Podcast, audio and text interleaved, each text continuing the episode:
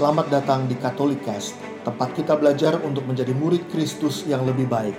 Katolikas bertujuan membantu kita semua untuk semakin berakar dalam iman pada Yesus, bertumbuh dalam persaudaraan dengan semua orang, serta berbuah dalam berbagai karya kasih demi gereja, bangsa, dan sesama. Katolikas berisi cerita kesaksian dan refleksi hidup sebagai pengikut Kristus, katekese iman yang relevan dan praktis untuk hidup sehari-hari, serta dialog topik-topik kekinian dengan berbagai narasumber untuk memperkaya hidup iman kita semuanya. Selamat mendengarkan, Tuhan memberkati.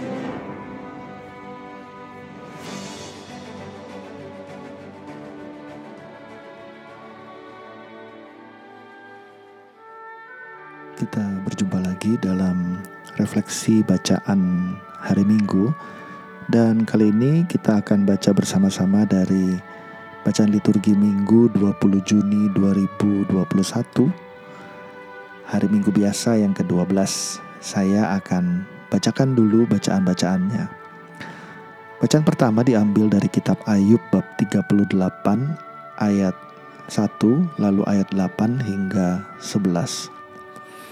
Dari dalam badai Tuhan menjawab Ayub katanya, Siapa yang telah membendung laut dengan pintu ketika laut itu membual keluar dari dalam rahim samudera ketika aku membuat awan menjadi pakaiannya dan kekelaman menjadi kain bedungnya, ketika aku menetapkan batasnya dan memasang palang dan pintu, ketika aku berfirman, sampai di sini engkau boleh datang dan jangan lewat, di sinilah gelombang-gelombangmu yang congkak akan dihentikan. Bacaan kedua diambil dari 2 Korintus 5 ayat 14 hingga 17.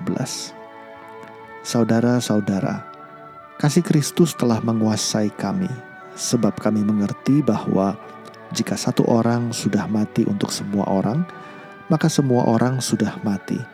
Dan Kristus telah mati untuk semua orang, supaya mereka yang hidup tidak lagi hidup untuk dirinya sendiri, melainkan untuk Dia yang telah mati dan dibangkitkan bagi mereka Sebab itu, kami tidak lagi menilai seorang pun menurut ukuran manusia, dan jika kami pernah menilai Kristus menurut ukuran manusia, sekarang kami tidak lagi menilainya demikian.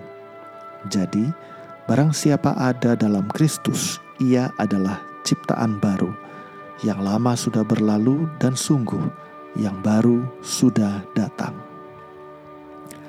Bacaan Injil diambil dari Markus bab 4 ayat 35 hingga 40.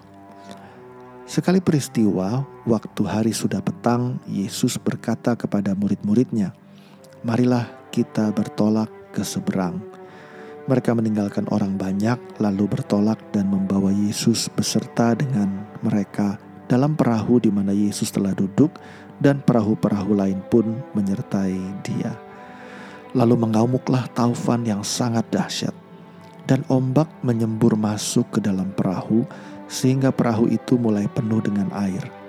Pada waktu itu Yesus sedang tidur di buritan di atas sebuah tilam. Maka murid-muridnya membangunkan dia dan berkata kepadanya, "Guru, engkau tidak peduli kalau kita binasa." Yesus pun bangun, menghardik angin itu dan berkata kepada danau itu, "Diam, tenanglah." Lalu angin itu reda dan danau pun menjadi teduh sekali. Lalu Yesus berkata kepada murid-muridnya, "Mengapa kamu begitu takut? Mengapa kamu tidak percaya?" Mereka menjadi sangat takut dan berkata seorang kepada yang lain, "Siapa gerangan orang ini sehingga angin dan danau pun taat kepadanya?" Sahabat-sahabat semuanya, pada bacaan pertama kita melihat bagaimana Tuhan menjawab Ayub.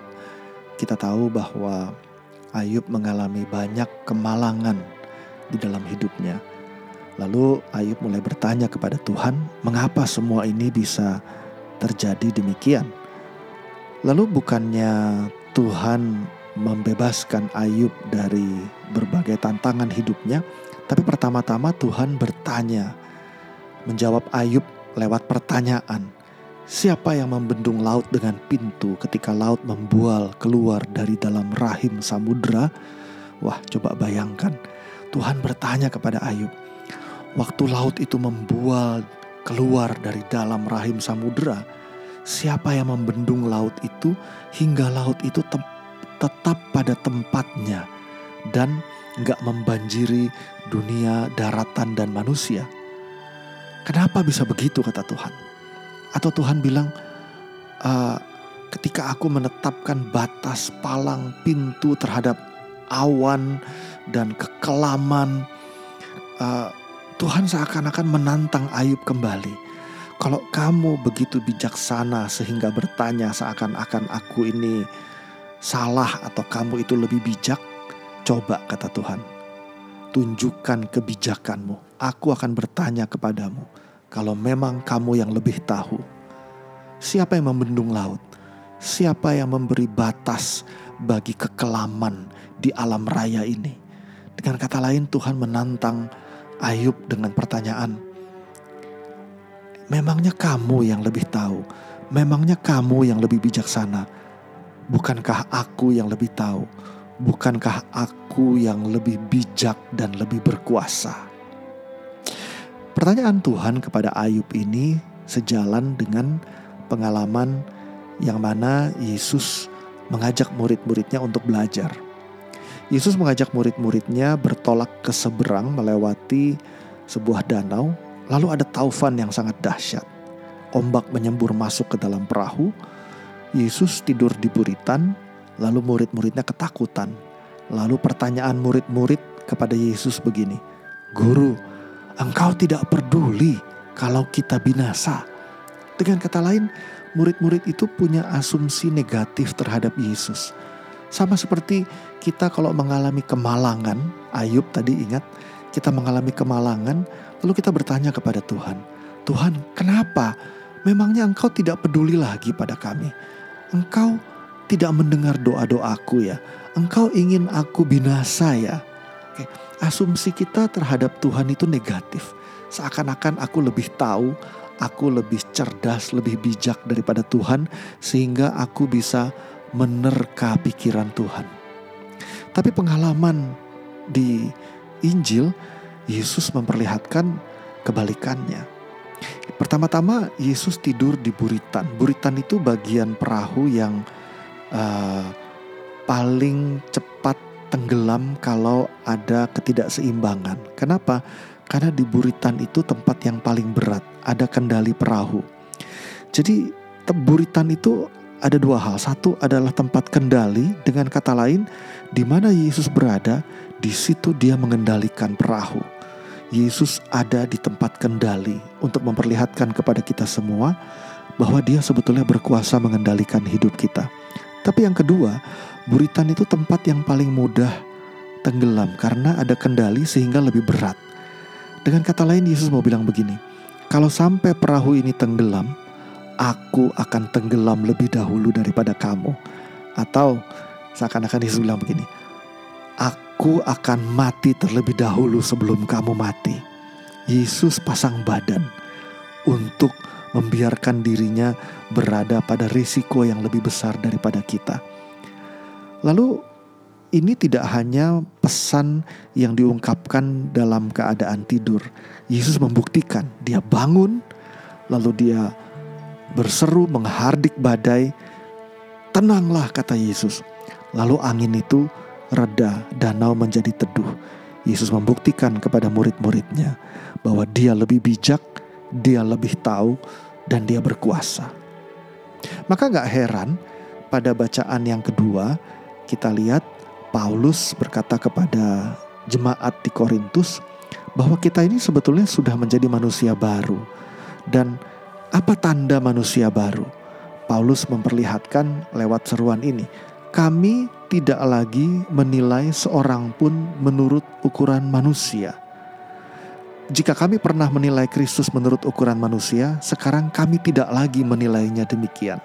Jadi dengan kata lain Paulus memperlihatkan bahwa orang yang baru itu, itu punya cara pandang baru, cara memahami baru, cara hidup baru, karena tahu bahwa Tuhan lebih bijak, Tuhan lebih berkuasa. Maka lewat bacaan pertama, bacaan kedua, bacaan Injil, kita semua diajak oleh sabda Tuhan untuk menjadi ciptaan yang baru, yang gak perlu takut, yang gak perlu khawatir, karena dia lebih bijak, dia lebih tahu, dan dia memegang kendali atas hidup kita.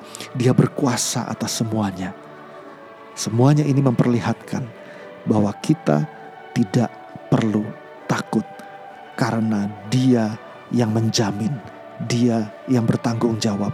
Kalau kita hidup di dalam dia, kalau kita hidup di dalam kebenaran dengan tulus mencari Tuhan, maka Tuhan bertanggung jawab atas hidup kita. Dia yang pegang kendali, dia yang menyediakan dirinya sendiri agar kita tidak binasa karena dia ada di buritan dan dia yang berseru kepada badai, diam, tenanglah. Kalau hari ini kita menghadapi berbagai badai dan tantangan hidup, percayakan pada Yesus karena dia sanggup berdiri dan berseru kepada badai hidup kita, tenanglah, maka semuanya menjadi teduh.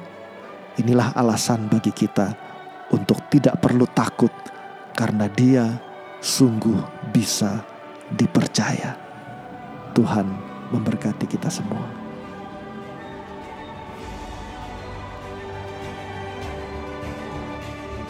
Terima kasih telah mendengarkan podcast ini. Jangan lupa untuk berbagi Katolikes kepada para sahabat dan kenalan kita, supaya semakin banyak orang mengenal kabar gembira Tuhan Yesus dan mengalami kasihnya yang memulihkan, menguatkan, dan memberkati. Sampai jumpa di episode Katolikes yang lain.